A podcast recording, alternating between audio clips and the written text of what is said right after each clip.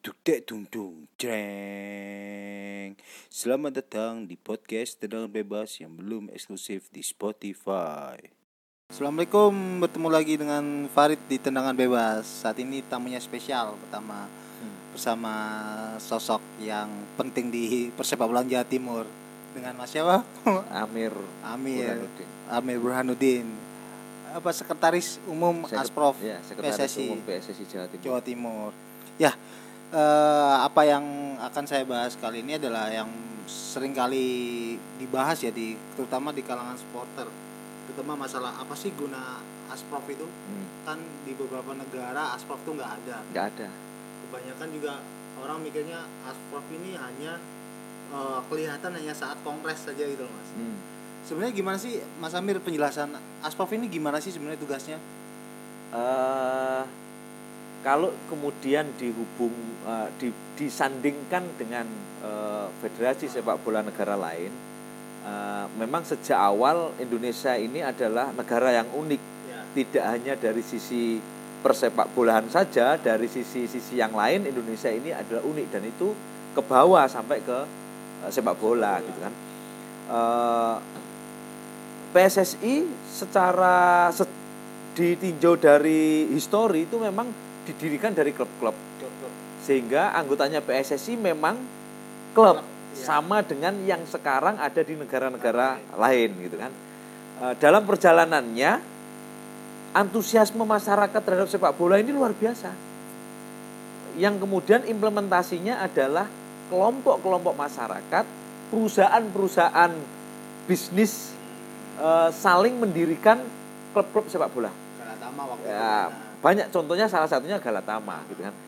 Ah, sudah negaranya besar luas wilayahnya itu seperkumpulan negara-negara se-Eropa Nah, gitu kan. Kemudian ditambah lagi antusiasme masyarakat yang mendirikan klub banyak sekali. Sehingga dalam perjalanannya untuk membagi eh, kewilayahan sepak bola itu didirikanlah yang namanya Pengprov dulu.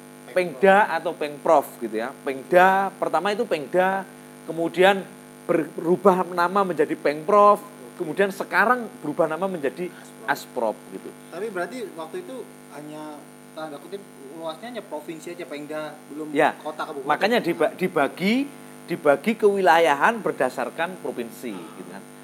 Bayangkan saja di Indonesia ini klub bukan SSB loh ya, klub itu sekarang sudah mencapai 1000 eh 109 kalau tidak salah. Oke.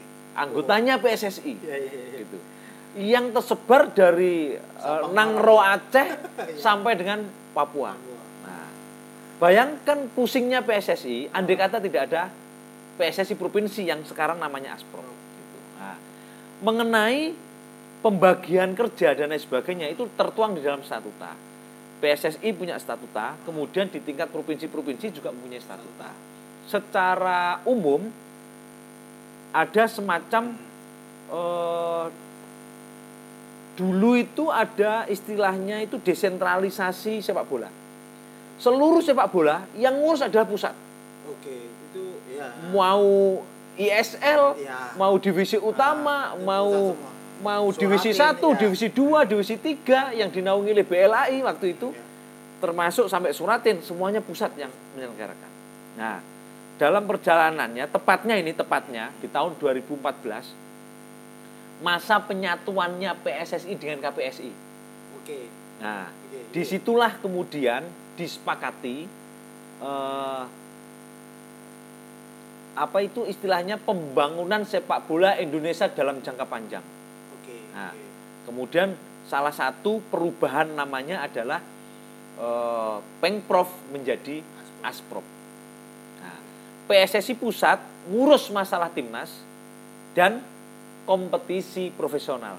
Oke, oke, oke. Kompetisi Nah. profesional di sini Liga 1, Liga Nah, 2. Liga ya? 1, Liga 2. Hmm. Kemudian PSSI provinsi Asprov itu bagian menangani sepak bola amatir. Dalam hal ini Liga 3. Dan kelompok umur Suratin. Piala Suratin Nah, U17. Itu U15. di breakdown lagi di PSSI Kabupaten Kota bagian eh, kelompok umur. Mas balik ya, mundur lagi. Ya. Eh, untuk kabupaten dan kota sendiri sebenarnya terbangun sejak kapan? Kan awalnya Pemprov tuh. Maksudnya itu udah lama. Ya lama-lama. Oke. Ada, ada dulu per- per- perjalanannya dari PSSI menjadi anggotanya klub, Ah. kemudian PSSI anggotanya menjadi klub dan eh, provinsi, kemudian PSSI anggotanya adalah klub, provinsi dan askap. Askap. ah. Dulu pengcap peng jadi Pengcap. waktu zamannya Pak Nurdin Halid, Ah. kongresnya itu dulu voternya jumlahnya 600 sekian. Karena ditambah iya. PSSI kabupaten kota, Kota. saat itu gitu kan. Kemudian dalam perjalanannya ada perubahan-perubahan statuta. Jadi setiap perubahan statuta di PSSI selalu dikawal oleh FIFA. FIFA. Karena apa? Karena uniknya Sepak negara kita Indonesia. ini, ya, uniknya di Indonesia ini.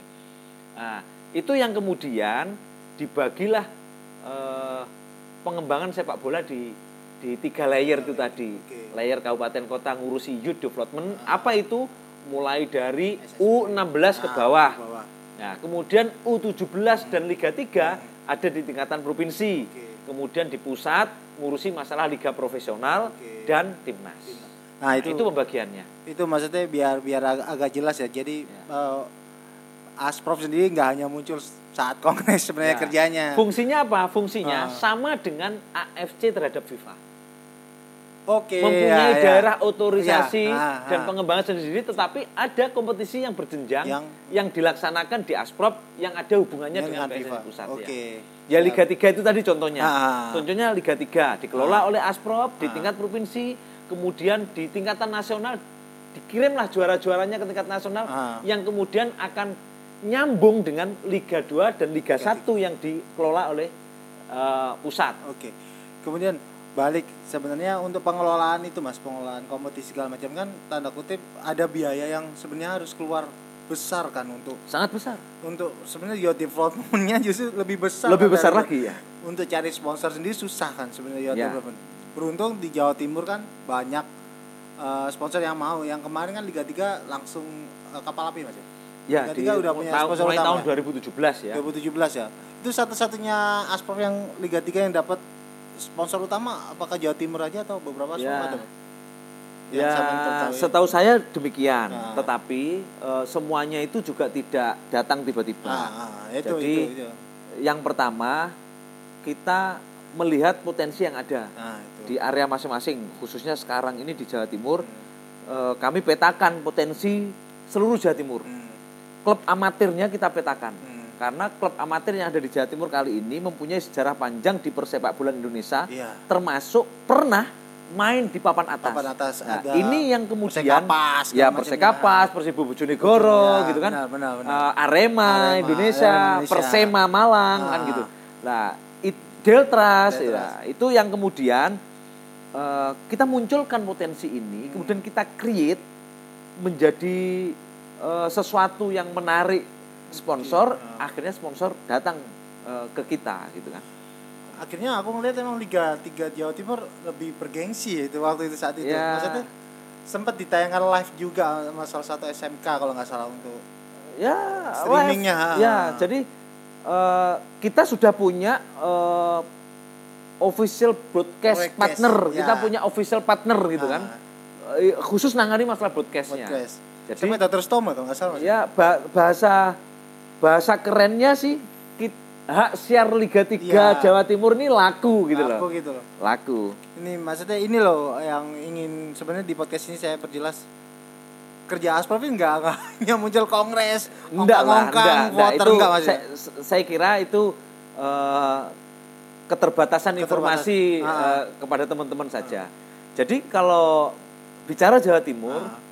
itu eh, saya suatu ketika saya itu pernah mengikuti workshop terbatas Nah, eh, antara FIFA, AFC dan beberapa membernya PSSI Iya. termasuk saat itu adalah kami yang mewakili salah satu aspropnya Asprov. mewakili nah, eh, di mana itu mas? di Jakarta. Di Jakarta. Ketika di akhir season Hmm, kebetulan saya dikasih kesempatan untuk menyampaikan sesuatu hmm. dan salah satu narasumber yang dari FIFA itu mengatakan ke- kebetulan dia mantan sekjennya Irlandia.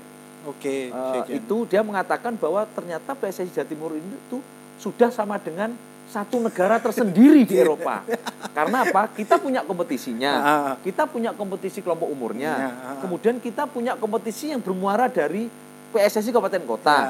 kemudian kita punya kompetisi sepak bola wanita, Ah. kita punya media, Ah, kita punya sponsor, Nah, iya, iya, kita benar. punya eh, partner broad, broadcast partner, official Benar, partner lah. Ah. Itu yang ke- kita punya kalkulasi keuangan dalam satu tahun Ah. me- menggelar liga. Ah, Itu eh, responnya mereka, oh ini kalau di Eropa Udah sudah bikin sama, sendiri ya, sudah udah. sama dengan satu negara bagian tersendiri Nah, gitu.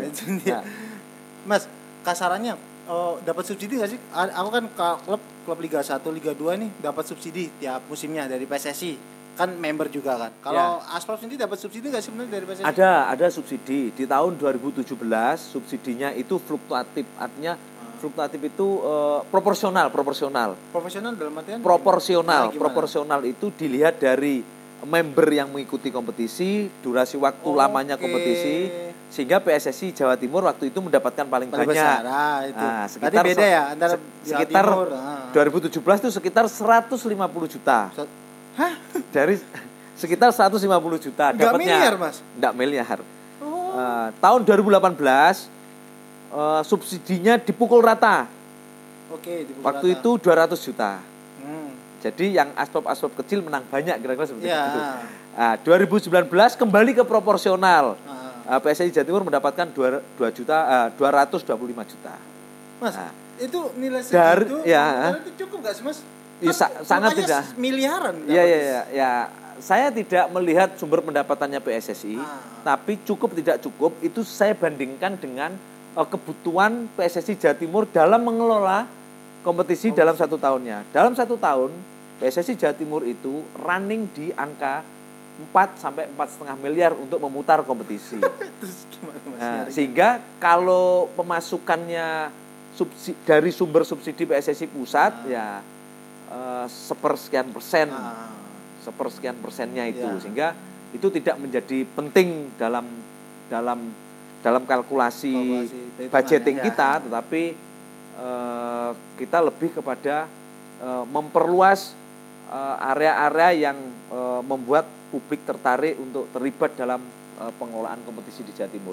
Kalau eh, teman-teman mau mencari tahu gitu Ah. tentang PSSI Jawa Timur atau tentang kompetisi yang ada di Jawa Timur, itu kalau di searching Liga 3 itu pasti yang keluar ada. adalah PSSI Jawa Masih Timur, gitu karena kan. yang paling menonjol dalam Iya, karena publikasinya luar biasa juga. Iya, jadi memang kita eh, bekerja sama dengan eh, teman-teman media yang waktu itu awal-awal 2017 Hmm. menjadi syarat utamanya sponsor bahwa kita punya kerjasama dengan beberapa media. Oke. Mas, kemudian sekarang sekarang membernya Asprov Jawa Timur sendiri berapa total? Di membernya PSSI Jawa Timur itu terbagi dalam 38 PSSI kabupaten kota. Ah, 38. Kemudian 5 klub profesional Lima yang bermain di Liga 1 Oke. ya. Persebaya, dua klub Persela. ya, dua klub yang bermain di Liga Dua. 2 dan 91 Liga klub tiga. yang bermain di Liga 3. Liga Oh ya, oke. Liga 3 ini termasuk paling banyak mungkin. Paling banyak Paling iya. banyak di Karena Timur. piramidanya yang paling bawah adalah Liga 3. eh, klub amatir Ah. Liga 3. Eh, SSB Hmm. itu eh, menjadi anggotanya PSSI Kabupaten Kota. Oke. Mas, semua ini aku mau bikin klub. Ya. Farid FC semua, Ya. apa tendangan bebas FC. Kalau Ya. pengen daftar jadi member, prosesnya seperti itu mas. Ah. Ada biayanya kah? Mungkin Oh, ya. maksudnya ada- mau ada normatif bikin klub, normatif di ketentuan statuta Ah. itu memang yang pertama harus berbadan hukum. ah. Oke, berbadan hukum. Nah, Oke. Kemudian yang kedua mempunyai struktur Hmm. struktur organisasinya Hmm. ya siapa ketuanya Ketua siapa umum, sekretarisnya ya, ya, ya. siapa kemudian eh, mempunyai home base domisili Kandang maksudnya. ya mempunyai kandang kalau Oke. punya sendiri oke nggak punya minimal eh, mempunyai hak pakai Oke. ya kemudian ada pelatih Oke, ha- harus ada itu. harus dulu. ada itu Oke. ada pelatih Oke, ya kan? oke. Ah. ada logo dan lain sebagainya Oke. nah kemudian yang terakhir ada rekom dari PSSI Kabupaten Kota Oke. Enggak bicara logo logo itu sendiri apakah nantinya kan banyak nih logo-logo yang uh, apakah uh, PSSI Jawa Timur sendiri mengecek ke Haki dalam artian ini Nggak, logo karena Haki itu Otomatis Eh, ya? eh, bukan, itu yang bisa mendaftarkan adalah yang punya sendiri-sendiri. Oke. Nah, jadi masing-masing klub nanti silahkan saja menggunakan logo apa, kemudian masalah komplain hakinya Ah. yaitu ditanggung oleh masing-masing. Oke. Gitu kan? Jadi, Jadi, jadi eh, PSSI Jawa Timur bukan nggak nggak bisa nyaring itu eh, ya? ndak ndak ndak akan men-screening itu kecuali kalau kemudian ada yang komplain ini logo saya dipakai lah, baru kemudian kita holds gitu kan. Ah. Itu Kemudian sembilan- selanjutnya ah, kita ah. sahkan dalam Kongres PSSI Ah, Jawa itu Timur.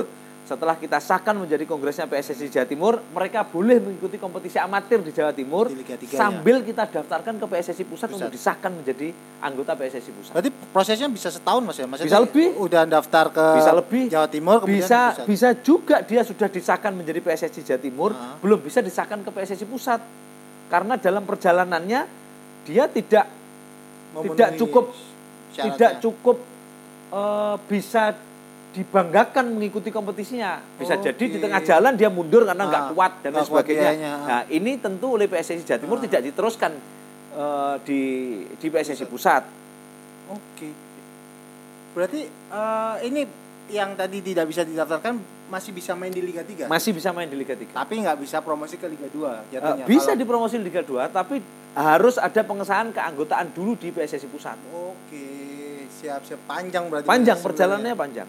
Oke, Mas, ini kemudian balik lagi Jawa Timur sendiri selalu ada turnamen-turnamen besar Piala Gubernur Iya. segala macamnya.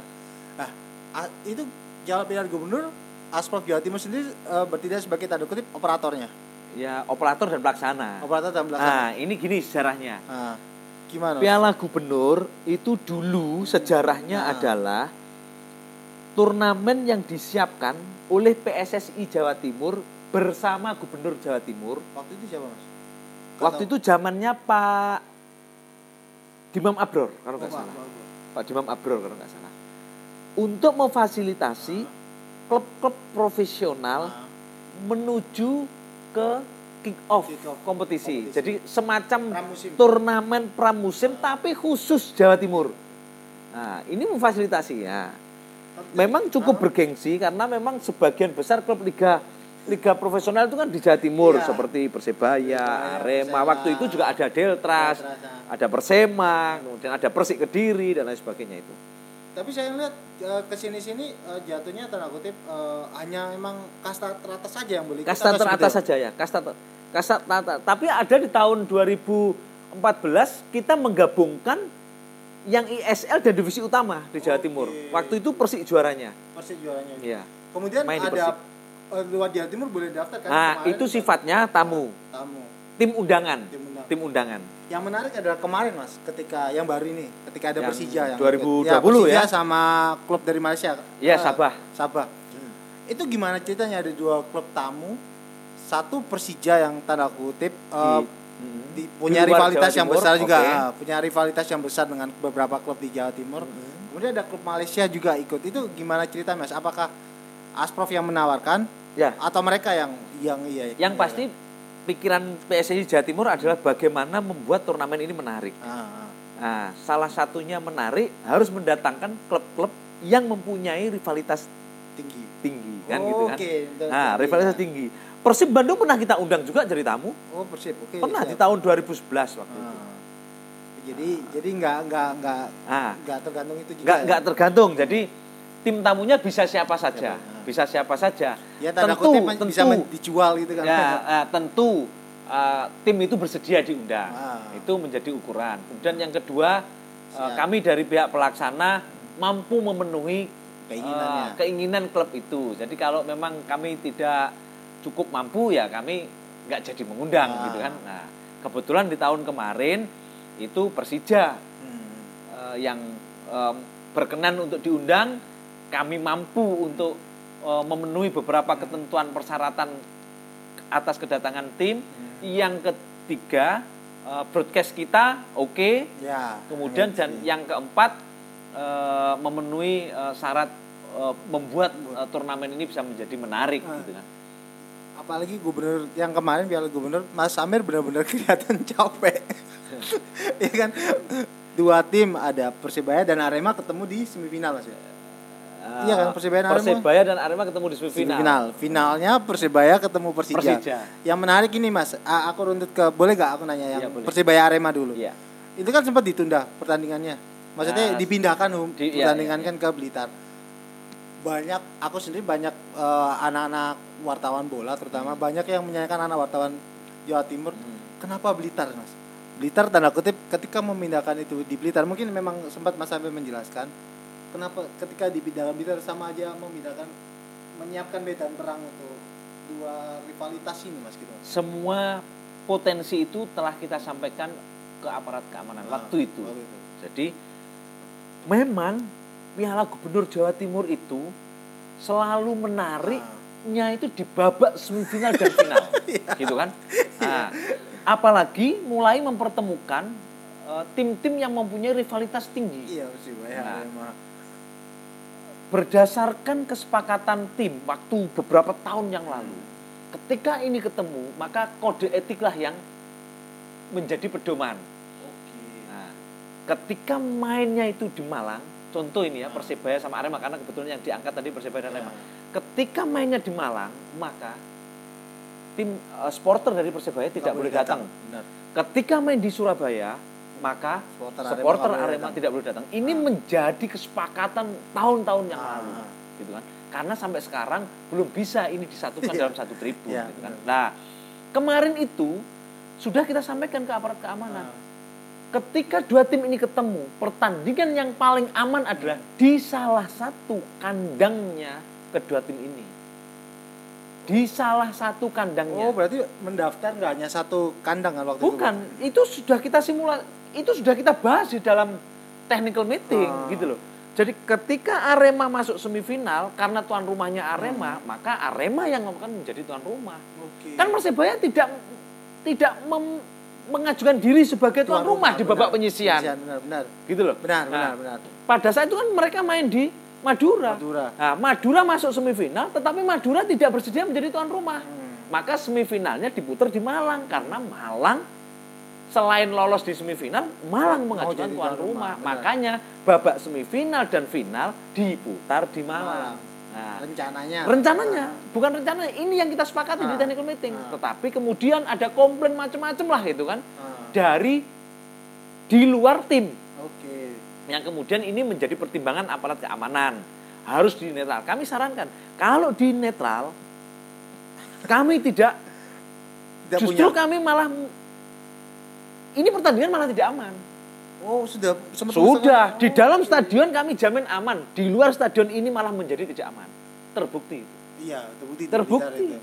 itu pemilihan Blitar sendiri dari aspal atau pemilihan Blitar? Gini,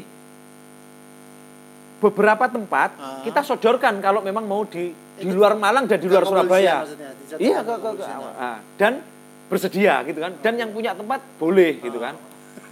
Kodikal waktu itu kita sodorkan. Ah. Kemudian Raden Rahmat Raden Saleh Iya, kami sodorkan. Eh, kemudian Blitar kita sodorkan. Ah. Kemudian Bojonegoro kita sodorkan. Sidoarjo juga kita sodorkan. Iya, iya. gitu. Nah, akhirnya yang bersedia Blitar. Blitar gitu loh. Oke oke. Jadi kalau pertandingan dua tim ini digelar itu saran saya, Nah. saran kami dan kami waktu itu sudah menyampaikan harus di salah satu. Kalau tidak di Malang ya di Persebaya. Benar, itu- Kalau kedua belah tim tidak ada masalah. Main Persebaya juga bersedia kok main, di Malang. Benar. Arema juga bersedia main di GBT gitu. Daripada tanda kutip mereka juga melihat daripada di tempat netral nanti bakal ada korban Iya, kalau di stadion pasti aman. Karena apa? Dijaga oleh aparat keamanan. Di luar stadion ini loh yang kita khawatirkan. Iya, ah. Dan ini sudah kita berikan masukan kepada aparat keamanan pada saat rakor keamanan di Polda Jatim. Mas, ini itu bicara Asprop sendiri bisa nggak sih eh, dalam artian jadi pemersatu mereka? Maksudnya supporter lah terutama. Nah, kan kami- PSSI ini punya departemen supporter nih udah iya. pusat. Jawa Timur Sebelum kan, PSSI punya ah, supporter, PSSI Jawa Timur sudah berkali-kali mem- mem- mem- mendamaikan. ya me- me- apa itu mencoba membaurkan kembali semua elemen supporter, tidak hanya Surabaya dan Hmm. Malang, karena Persebaya dan Lamongan itu juga Sempat, pernah ya. gitu lah. Pengalaman kami dari beberapa lebih dari tiga kali kita mencoba memfasilitasi itu, ternyata tidak cukup efektif kalau ini dilakukan secara struktural dan eh, seremoni. Oke. Dan ini atas suara hatinya supporter sendiri. Seperti Persebaya sama Persela Iya. sama, Ya. Itu harus dibangun secara kultural oleh mereka Mereka sendiri. sendiri. Benar. Nah, itu saya Gitu. setuju, saya setuju. Dan ini ada hasilnya Iya. Antara Persebaya dan Persela. Lamongan. Ya. Selesai clear. Selesai, Nah, benar. ini yang tinggal beberapa saja yang belum clear. Nah, ini mereka saya anu kok kami tahu bahwa mereka juga melakukan itu. Iya. Cuman memang damai ini- juga. Cuman ini tidak bisa instan, Ya. tidak bisa eh, dalam waktu sikat. Oke. Nah, tapi saya terutama mengetahui secara langsung sampai saat ini proses itu ada dan berjalan. Insya Allah bakal damai Mas ya. Insya Allah bakal damai. Dan kalau itu sudah terjadi perdamaian, ini akan lebih anu, Oke. lebih lebih awet lah kira-kira seperti itu. Siap. Enggak, Mas Amir. eh, ini loncat lagi di luar Ya. konteks. Mas Amir ini kan hafal, maksudnya luar biasa Mas Bapak. Mas Amir sendiri nyemplung di struktur organisasi PSSI ini. Eh, Hmm. sejarahnya gimana sih? Kan banyak orang, Mas Amir ini siapa sih? Ya. Kan banyak, maksudnya kita searching nih di media nih. Eh. Amir Burhanuddin gak hanya soal bola loh ngomongin Mas Amir banyak. Ya. Masalah kasus hukum, segala Ya. macamnya. Emang Ya. seorang pengacara kan? Iya. Gimana sih Mas? Ya awal mulanya sih eh, saya diajak bergabung ke eh, organisasi olahraga itu oleh Pak Lanyala. Lanyala. Ya waktu itu diajak bergabung di KONI Jawa Timur. Jawa Timur. Waktu kepengurusannya Pak eh, Gusipul. Ya. Nah, kemudian dalam perjalanannya kan Gusipul di PLT karena jabatannya gubernur tidak boleh menjabat sebagai ketua KONI dan Ya. sebagainya. Nah, selang setahun kemudian Pak Lanyala ini eh, mencalonkan ketua PSSI Jawa Timur Oke. yang saya sendiri tidak terlibat dalam proses itu. Sama Iya. sekali tidak terlibat di tahun Tapi 2000. tetap di KONI waktu itu kan? Ya masih di KONI tahun 2010 kalau nggak salah Oke. waktu itu. Tiba-tiba ya tahu aja Pak eh, Lanyala PSSI Jawa Jawa Timur ketuanya terpilih Pak Lanyala menggantikan Pak Dimam Abrar waktu itu. Eh sorry Pak Haruna gitu kan menggantikan Pak Haruna. Nah tiba-tiba eh, saya diajak bergabung kemudian masuk dalam struktur wakil sekretaris satu. Oke. Dulu kan strukturnya kan masih pengprov, kemudian ketua umum, ketua satu, ketua dua, ketua sampai ketua tujuh, terus kemudian sekretaris, Ya. wakil sekretarisnya juga sampai tujuh karena langsung membidangi bidang-bidang gitu kan. Nah, ke- memidangi bidang apa? kebetulan waktu itu wakil ketua satunya adalah Pak Riyad.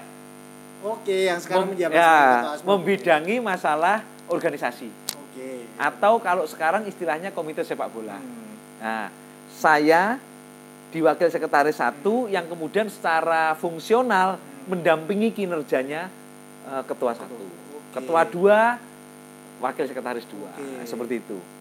Nah, di tahun 2011 lah itu Ah. kira-kira. Kemudian di tahun 2013 Pak Lanyala mengundurkan diri karena beliaunya menjabat esko di pusat. Pusat. Nah, Ini, Jawa- ini ini menarik sebenarnya Ya. yang aku tanyakan kemudian langsung Ya. ada proses ke ketua umum kan. Ya, Banyak. waktu itu ada rame-rame KPSI dan lain Ya. sebagainya. Posisi di Jawa Timur itu eh, Pengprov. Hmm. Pengprov Jawa Timur 2013 karena Pak Lanyala itu mengundurkan diri karena sudah menjabat di pusat. Ya. Akhirnya di PSSI Jawa Timur terjadi KL eh, terjadi Peng Musproplup Musyawarah Provinsi luar biasa Oke, oke. mengganti Pak Lanyala. Wah, waktu itu yang terpilih adalah Pak Bambang Pramukantoro. Oke. Ya. Ketika Pak Bambang Pramukantoro jadi ketua, Pak Bambang Pramukantoro menunjuk saya sebagai sekretaris. Oke. Tahun Tahun 2013. 13. Nah. Wow. Nah, itu. Tujuh Kemudian- tahun ya kalau dihitung sampai sekarang Mas? Ya, kemudian tahun 2014 masa transisi perubahan Pengprov menjadi Ah, Asprov. Prof. Dibukukan yang, segala macam Ya, prosesnya. yang semula PO pedoman organisasi berubah menjadi statuta. Statuta. Nah, saya eh, waktu itu yang kemudian terlibat dalam proses transisi, itu Transisi gitu kan. Ah, Oke. Pengurusnya pun yang semula wakil ketua wakil ketua menjadi esko. Hmm. Nah, itu itulah perjalanannya yang kemudian sampailah di akhir masa jabatan di tahun 2017 karena empat tahun kan. Nah, Iya, Pak 2017 Hmm. sudah berubah menjadi asprop, Nah. sudah statuta, istilahnya sudah bukan musprop lagi Hmm. tetapi kongres. Kongres. Nah, kongres lah terpilihnya Pak Riyad. Pak Riyad kemudian Nah, kemudian Pak Riyad eh, mengangkat saya sebagai eh, sekretaris, Sekretaris, sampai sekarang. sampai sekarang. Nah, sehingga eh, jabatan sekretaris Ah. itu adalah jabatan profesional yang bisa Oke. diberhentikan dan diangkat kapan saja oleh ketua terpilih. Itu sama aja kayak sekjen sebenarnya. Mas? Sama dengan sekjen. Oke. Basicnya adalah profesional. Oh, basicnya Untuk apa? Untuk menjalankan keputusan kongres Hmm. dan menjalankan program kerja PSSI provinsi Oke. dan menjalankan keputusan-keputusan komite eksekutif Oke. dan melakukan pelayanan-pelayanan terhadap anggota. Ini menarik nih. Tujuh tahun sebenarnya Mas Hamir ini 9 Kan- tahun lah ya. oh 9 tahun. Iya, wakil 2011. sekretaris Ya, dua ya. tahun. Ah. Sekretaris di 7 tahun. Oke. gitu kan. Sebenarnya kan Di, di 8 tahun. Ah, sebenarnya kan kalau ini seumpama Mas eh, bicara berandai kita kalau Ya. kan ini kan PLT masih ini yang di pusat nih. Pusat. Oh iya iya iya. Sampai sekarang kan belum ada untuk bikin eh, menyaring untuk sekjen. Sebenarnya kan Definitif. harusnya ada. Hmm. Sebenarnya kan harusnya. Mas Hamir sendiri mau nggak sih mendaftarkan diri untuk itu? Wah. Jadi gini, sekjen itu prerogatifnya Ketua. ketua umum. Ah. Eh, kalau mau diperlebar lagi Ah. eh, berdasarkan keputusannya esko meeting gitu kan. Jadi bukan masalah Mau mau? mau atau tidak mau, daftar atau tidak daftar, tetapi secara kewenangan itu adalah kewenangannya beliau-beliau. Tetapi secara fungsi, secara kompetensi, eh, saya cukup mengerti eh, beratnya menjadi seorang sekjen. Hmm. Beratnya menjadi seorang sekjen. Ya budi saja mundur. Eh, saya selaku sekretaris saja, Ah, ah. yang ruang lingkupnya baru ruang lingkup Jawa Timur, sudah cukup menyita waktu dan pikiran. Ah. Bahkan kalau bicara prosentase, hampir 60 sampai 70 persen aktivitas saya itu ada Ya. di sepak bola. Oh. 30 persennya hanya untuk urusan pekerjaan saya, gitu kira-kira kan? Iya. Dan anu, jadi saya nggak bayangkan kalau kemudian itu di sekjen pusat, di sekjen gitu kan. Total 100% Belum lagi jadinya. urusan internasionalnya, Ya. belum lagi urusan timnas, Ah. belum lagi urusan development.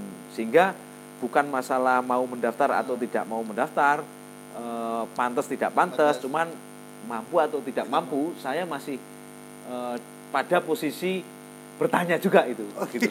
siap. Bertanya juga.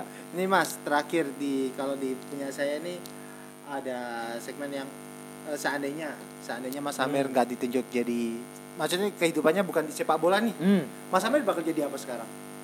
Semua mah maksudnya Mas Amir Saya di jadi- sepak bola pun saya pun eh, sehari-hari juga mempunyai profesi ah, pengacara. Iya, Ah. saya saya menjalankan Ah. praktek profesional Ah. saya. Ah. Saya juga punya bisnis Ah. yang berjalan Ah. gitu kan.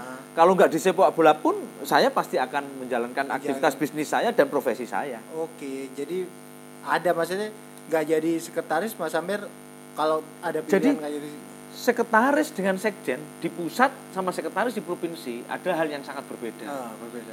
Meskipun basicnya sama-sama profesional berdasarkan statuta, tetapi eh, kalau di pusat itu eh, profesionalnya betul-betul profesional. Ah. Tetapi kalau di provinsi, baik di Jawa Timur maupun di provinsi yang lain, ini nggak ada nggak ada yang bisa untuk hidup gitu loh. Oke.